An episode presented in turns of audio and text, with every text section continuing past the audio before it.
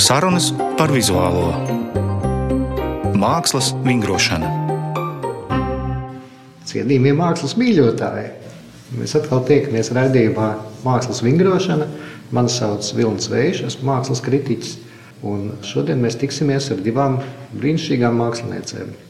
Viena no viņām ir Zaiga Putrām, kuru es atzīšos, atceros kā lielisku skolotāju Latvijas mākslas vidusskolā. Zaiga ir tekstilmākslinieca. Manas paudzes cilvēki noteikti atcerās viņu kā ļoti perspektīvu, laikmatīgi domājošu tekstilmākslinieci. Bet dzīve met kūleņus, un Zaiga tagad ir kočs. Otra mana viesne ir Līga Spunde, šobrīd jauna māksliniece, kurai es arī ar lielu interesi sekoju līdzi visam, ko viņa dara. Un mūsu sarunas tēma būs eh, par to, ka mēs esam izstādē, ko neviens nav redzējis. Mēs atrodamies Mākslinieku savienības galerijā šobrīd. Mēs sēžam viens no otra divu metru attālumā. Un šeit ir Zaigs Putrāms izstāde, kurai bija paredzēta atvēršana 13. martā. Tā bija diena, kad simfoniskais orķestris spēlēja tukšai zālē. Tā bija tieši tā diena, kad tika izziņots ārkārtas stāvoklis. Un tā nu šī izstāde šeit ir. Neviens viņu neredz, bet mēs redzam. Mēs par to parunāsim. Zaiga, kā tu jūties par to visu? Tas bija tāds mans savs darbiņš, kas man bija jāpadara. Es viņu padarīju, nu, kā nu ir, tā ir tagad. Jo man tā aizvien ir bijis, kas sakrājas. Un tad, kad ir šī pilnuma sajūta, tad viņi ir jāizliek. Tad, kamēr atkal sakrājas. Tā kā man ir tā tukšuma sajūta šobrīd, bet man ir šī ziņkārība. Tad redzēs, redzēs, uz ko es atkal tālāk aiziešu. Nu jā, ko nu tagad, kad tā nevar, nekas nenotiek, Man liekas, ka šajā situācijā ir kaut kas tāds ļoti pozitīvs. Tas ir tas, ka jādomā, kā vēl savādāk. Un, man liekas, šī situācija sakāpina tos svarīgos jautājumus. Ja man bija doma, ka varbūt es varētu arī uztaisīt kādu video nodarbību, tagad man liekas, man būs tas jāizdara. Citādi varbūt to neizdarīt.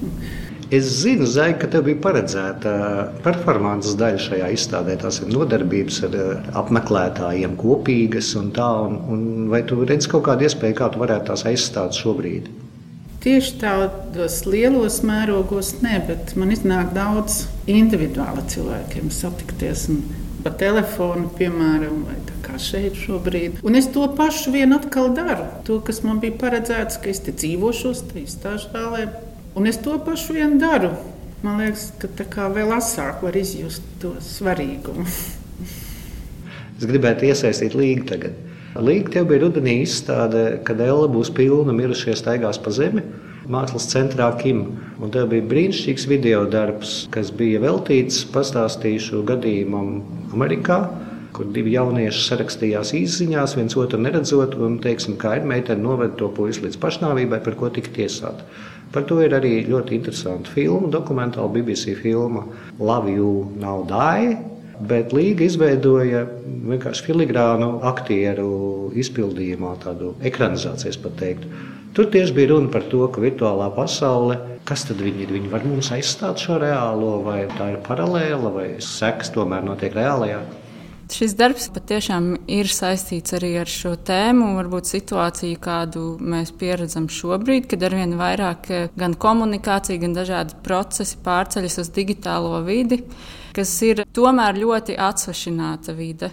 Un šajā video darbā galvenā problemātika bija tieši tā, ka dēļ šīs atsvešinātības, kādu rada čats, nevis īsta saruna, šie jaunieši pazaudēja kaut kādas cilvēcības robežas. Uh, viņiem iespējams, ka sāka jukt spēle ar īstenību, kā rezultātā ļoti pat ciniski un augstasinīgi tika veidot šie dialogi. Viņi tad sarakstījās, viņi klātienē, nu, viņi satikās pāris reizes, bet galvenokārt visa tā saruna notika sarakstoties, līdz ar to nepiedzīvojot klāt klātienē tā otra cilvēka emocijas un sajūtas, iespējams, arī pārprotot viens otru klusumu.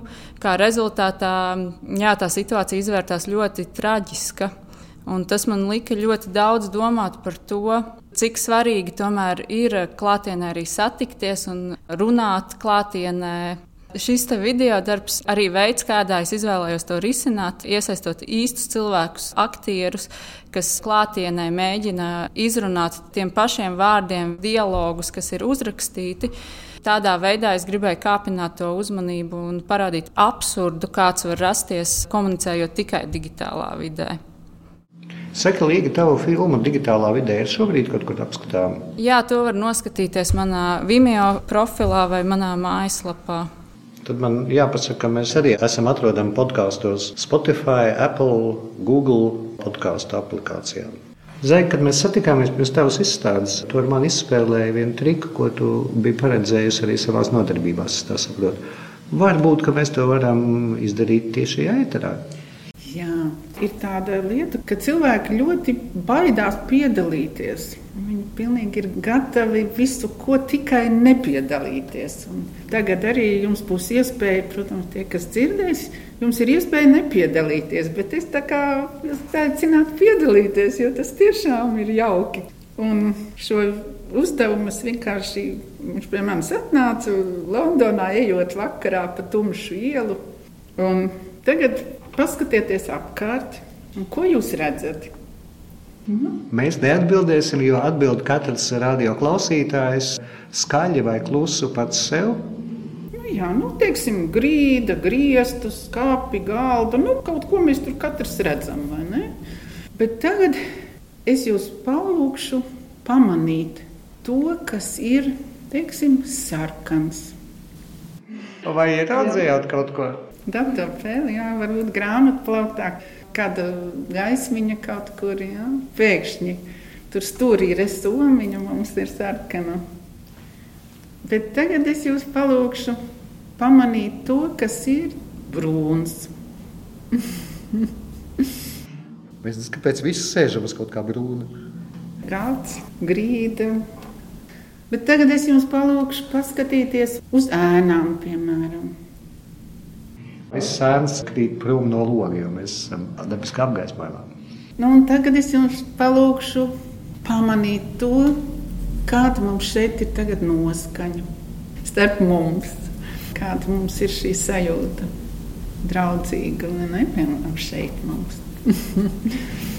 nu, lūk, tas ir tas, ko dara māksla.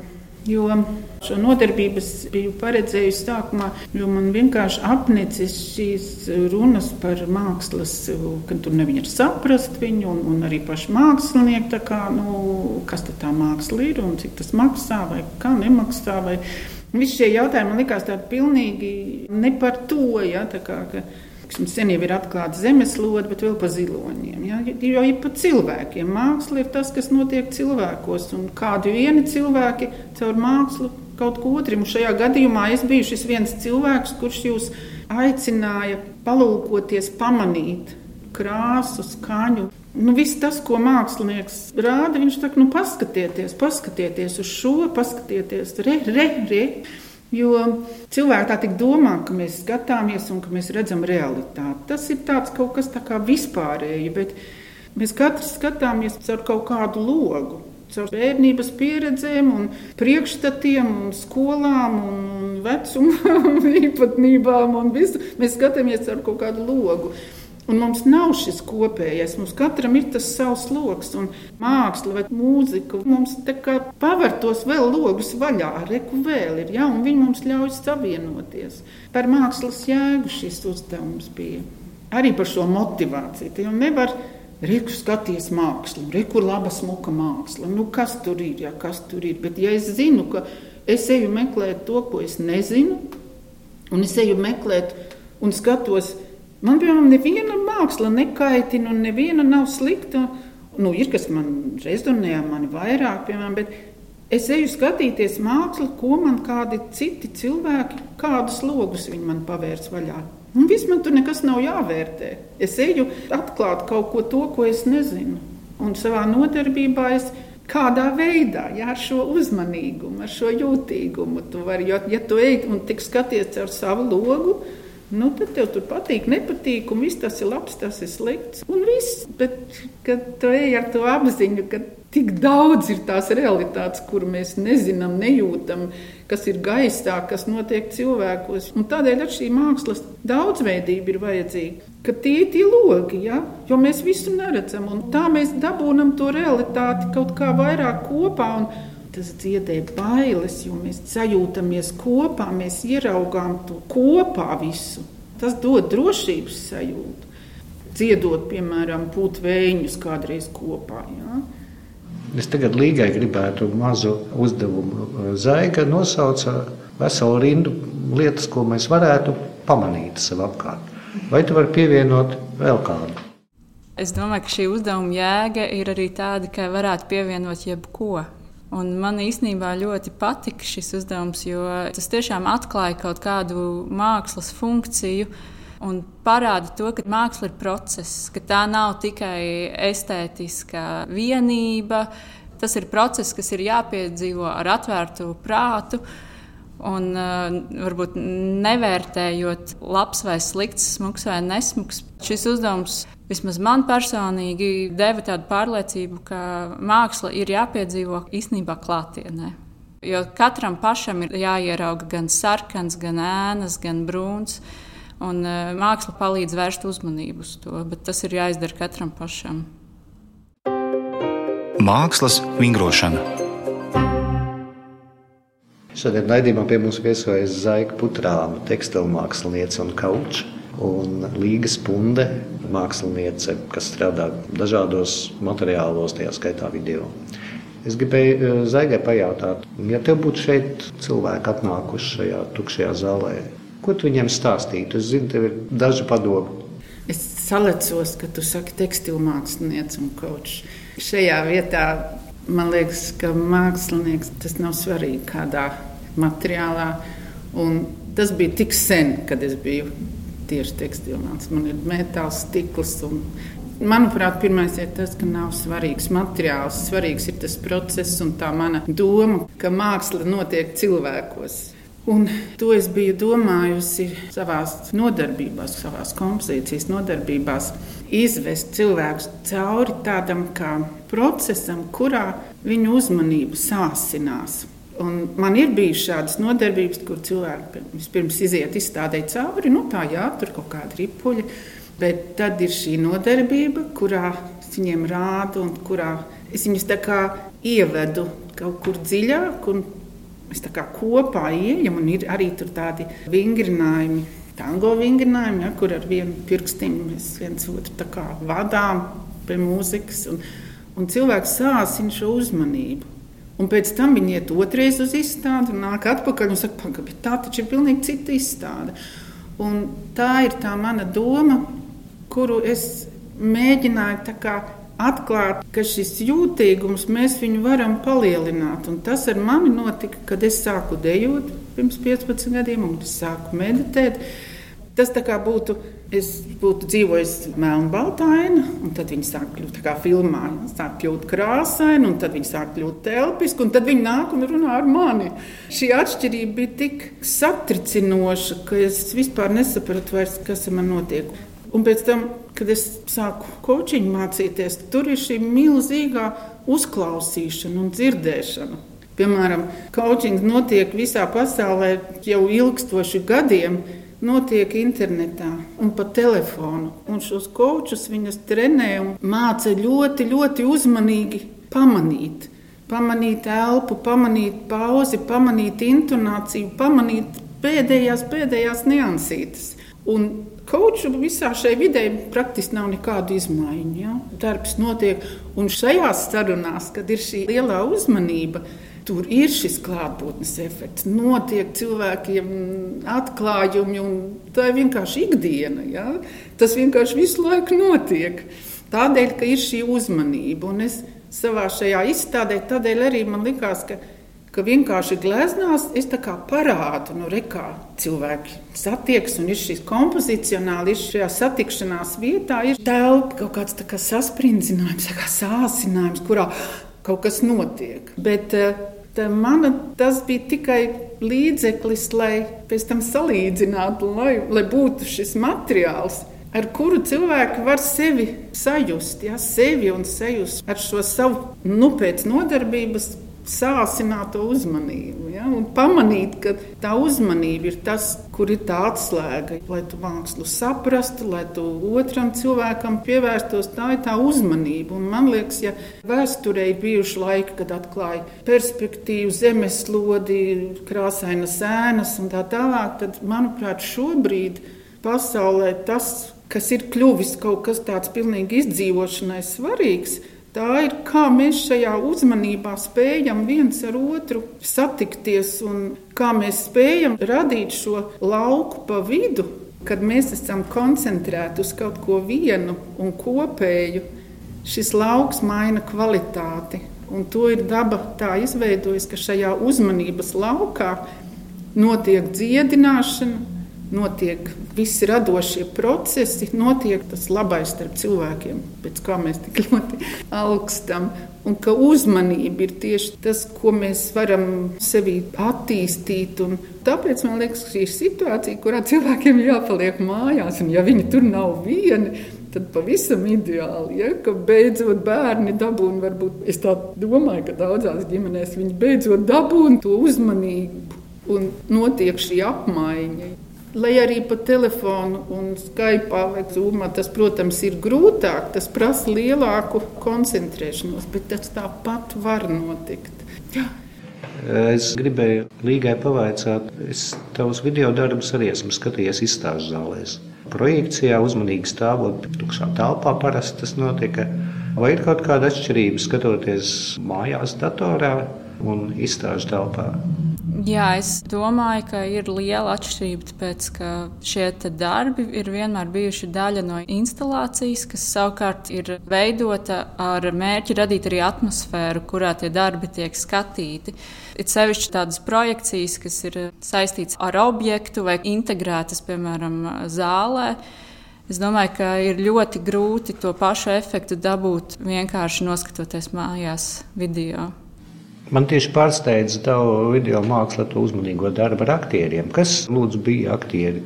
Vēlos pateikt lielu paldies aktieriem, kas varbūt eh, nav pietiekami pieminēti. Tie ir jaunie aktieri Anna Nele Āboliņa un Henrijs Arājs, kas piekrita piedalīties manā projektā. Jā, es atceros, ka es skatījos, kā hipnotizēts, jo tās tiešām bija jūtīgi un piepildītām pauzēm. Un es pilnīgi droši zinu, ka skatoties mājās, es droši vien zaudētu uzmanību, vai patītu uz priekšu, vai darītu visādas tādas lietas, ko nevajag darīt, skatoties video. Es zinu, ka jūs esat pazīstams. Jūs tikāties izstāstīt īso versiju Zaiga, īso versiju Līga. Galerijā Lau bija mākslinieku krīzes centrs mākslas projekts. Es tā izlasīju, ka tāds ir. Es domāju, nu, viņam varbūt ir noderīgi arī kočs.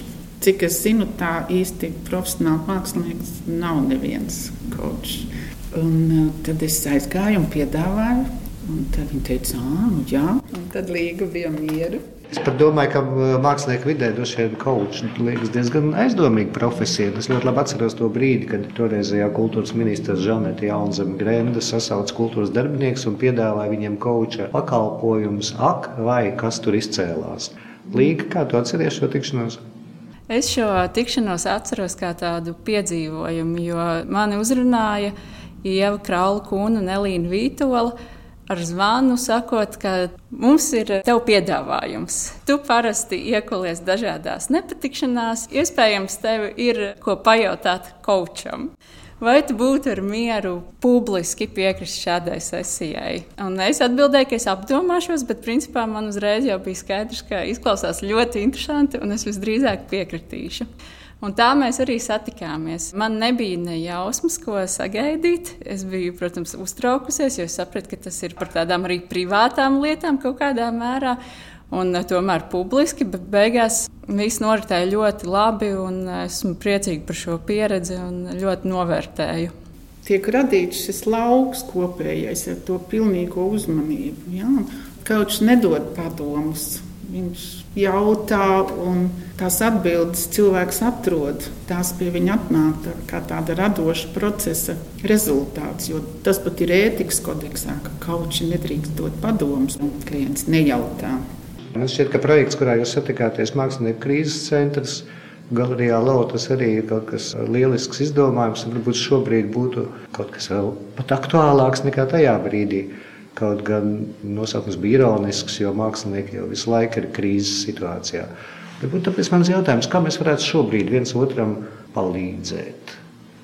Vienīgais, kas man nāk prātā, ir tiešām šī uzmanība, ko mēs veltām. Piemēram, šāds te ka jūs paaicināt un jums interesē kaut kas par to, ko es daru, un manas domas, mūsu domas. Šis jau ir tas atbalsts, ka mēs esam viens otram vajadzīgi, un tās formas var būt pilnīgi jebkādas. Un šī uzmanība ir enerģija. Tā mums skolā teica neskaitāmas reizes, tā ir enerģija. Tas ir labākais, ko mēs viens otram varam dot. Tu nepārdzīvo, ka tas nenotiek ar taviem mākslas darbiem fonā. Ja tev kāds piezvana un vēlas ar tevi parunāties, tad viņš nav tavā izstādē, viņš neredz tavus mākslas darbus pie sienas. Nu, es tev esmu aizdzīvojusies jau tik tālu, ka man kaut kādas ego jau vairs tā neuztrauc. man, man gribējās šo darbu padarīt, un man liekas, ka tas ir kaut kas labs, ko es varu piedāvāt. Šīs manas domas par mākslinieka darba jēgu. Es dzirdu tādus briesmīgus jautājumus, kāda ir tā jēga, vai kaut ko nevar labāku darīt. Nē, nu, visu, ko var darīt. Bet mākslinieka darbs jau ir šo lauku radīšana. Jā. Nē, man tas tiešām, es pat brīnos. Jaunībā, jā, jaunībā gan man tā vairāk es to ego atceros, bet šobrīd nē, vairs. man vienalga. Līga Pastāstiet mums, tomēr, kā tu un tavu kolēģi jūs atbalstat viens otru. Protams, ka mēs cenšamies viens otru atbalstīt. Kas man ienāca prātā, klausoties arī Zaigas atbildi, bija tas, ka iespējams tiešām ir laiks vairāk sadarboties savā starpā. Jo bieži vien mākslinieks ir eh, individuālists, sevišķi, ja netiek organizētas grupas izstādes vai sadarbības projekti, tad uh, tīši vai netīši arī sanāk konkurēt savā starpā. Bet šajā brīdī es domāju, ka būtu ļoti svarīgi atbalstīt vienam otru, iesaistīt vienam otru, varbūt nepaturēt iespēju tikai sev, bet padalīties ar to. Jā, šādā veidā es redzu, kā mākslinieki viens otram varētu palīdzēt. Līga, es zinu, ka tu šobrīd esi radošā uzlidojumā droši vien tādēļ, ka tu esi viena no tiem nedaudziem, kas saņēma atbalstu gada garumā radošai darbībai. Ar ko tu nodarbojies? Jā, tātad es īstenībā šobrīd runāju no diezgan privileģētas pozīcijas, jo esmu viena no dažiem, kam valsts ir piešķīrusi stipendiju, atbalstot manu darbību regulāri gada garumā kas man ļauj būtībā šajā krīzes situācijā īpaši nepārdzīvot par jaunajiem apstākļiem. Un, uh, es vēlos uzsvērt to, cik ļoti svarīgs ir šāda veida atbalsts un cik ļoti, ļoti svarīgi būtu, lai arī krīzes apstākļos rastos iespēja šo stipendiju turpināt. Uh, lai tas nav tikai viena gada projekts tikai šiem septiņiem māksliniekiem, bet lai nākamgad ir iespēja vēl septiņiem un vēlams vairāk māksliniekiem atļauties strādāt savā profesijā. Līdz ar to tas, ar ko es nodarbojos, es eh, mēģinu strādāt savā profesijā. Man bija paredzēti vairāki projekti pavasarī, kas nu jau ir pārcēlušies uz rudeni, bet darbs, protams, nav apstājies. Man ir eh, reizē ar šo stipendiju arī iespēja īrēt eh, studiju Un es to izmantoju. Tad, eh, principā, es ikdienā eju uz studiju un nododos radošiem procesiem un pilnvērtīgi mēģinu strādāt kā māksliniece. Man arī ir iespēja strādāt vienam pašam savā dzīvoklī, tikai ar motivāciju ir grūtības. Saiga, kā tu mūs motivētu? Motivācija jau nav prāta lieta. Tā vairāk ir, kad ir kaut kāda sadarība ar to, ko tu gribi darīt, ar to, kas ir tevī kaut kā svarīgi. Un ir šis process, kamēr mēs līdz tam nonākam. Un var to procesu visu laiku atlikt un no viņa izvairīties, bet jāsaprot, ka tas ir process. Es te tagad reklamēšu coachingu. Kad cilvēks atnāk un mēs runājamies, viņš ir izmisis un es arī nezinu atbildi. Un mēs runājam, un es viņu pamanu, es uzdodu jautājumus, es pamanu viņa intonācijas, mēs runājam. Un kaut kādā brīdī kaut kas sāk vibrēt. Es to jūtu pat fiziski plecos, ja tāda vibrācija, tad es apklustu. Un tad es redzu, ka cilvēks ah, bet taču patiesībā, ah, jā, bet taču, ah, nu jā, bet taču iznāk, ka. Ah, un, Un tad tā vairs nav prāta motivācija. Tad jau tas nāk no kaut kādas dziļākas saderīguma ar cilvēku, viņa kaut kāda būtība, viņa šūniņām. Tas ir process. Es teiksim, arī šajā brīdī, kad pēc izstādes man nav nekādas skaidrības, man nekādas motivācijas, gan iznāk neko. Bet es zinu, es uzticos, ka process būs un ka es šo procesu turpināšu. Kaut kādā brīdī man atkal kaut kas sakrāsies. Un, Un man liekas, ka tās ir tādas kā nomiršanas, ka tu ej atkal uz nākamo. Un ir, tev ir jāaiziet cauri šai nomiršanai. Es visu laiku mācos, un visu laiku grāmatas un video. Un man šī psiholoģija kopš pašas agras jaunības ir interesējusi. Piemēram, nu nevajag dzerstīties, vajag ļauties šai, lai tev ir slikti, lai noiet tiešām līdz kliņķim, tam izmisumam, jo tad tu esi tajā procesā. Jo piemēram, atkarības, tās ir pretsāpju līdzekļi. Šī ir pat atkarība viens no lielākajiem ļaunumiem, ka viņš neļauj tās lietas nosāpēt kārtīgi līdz galam, un, piemēram, tu jūties vientuļš, ja? nu, tad ej ārā meklē cilvēkus, zvani.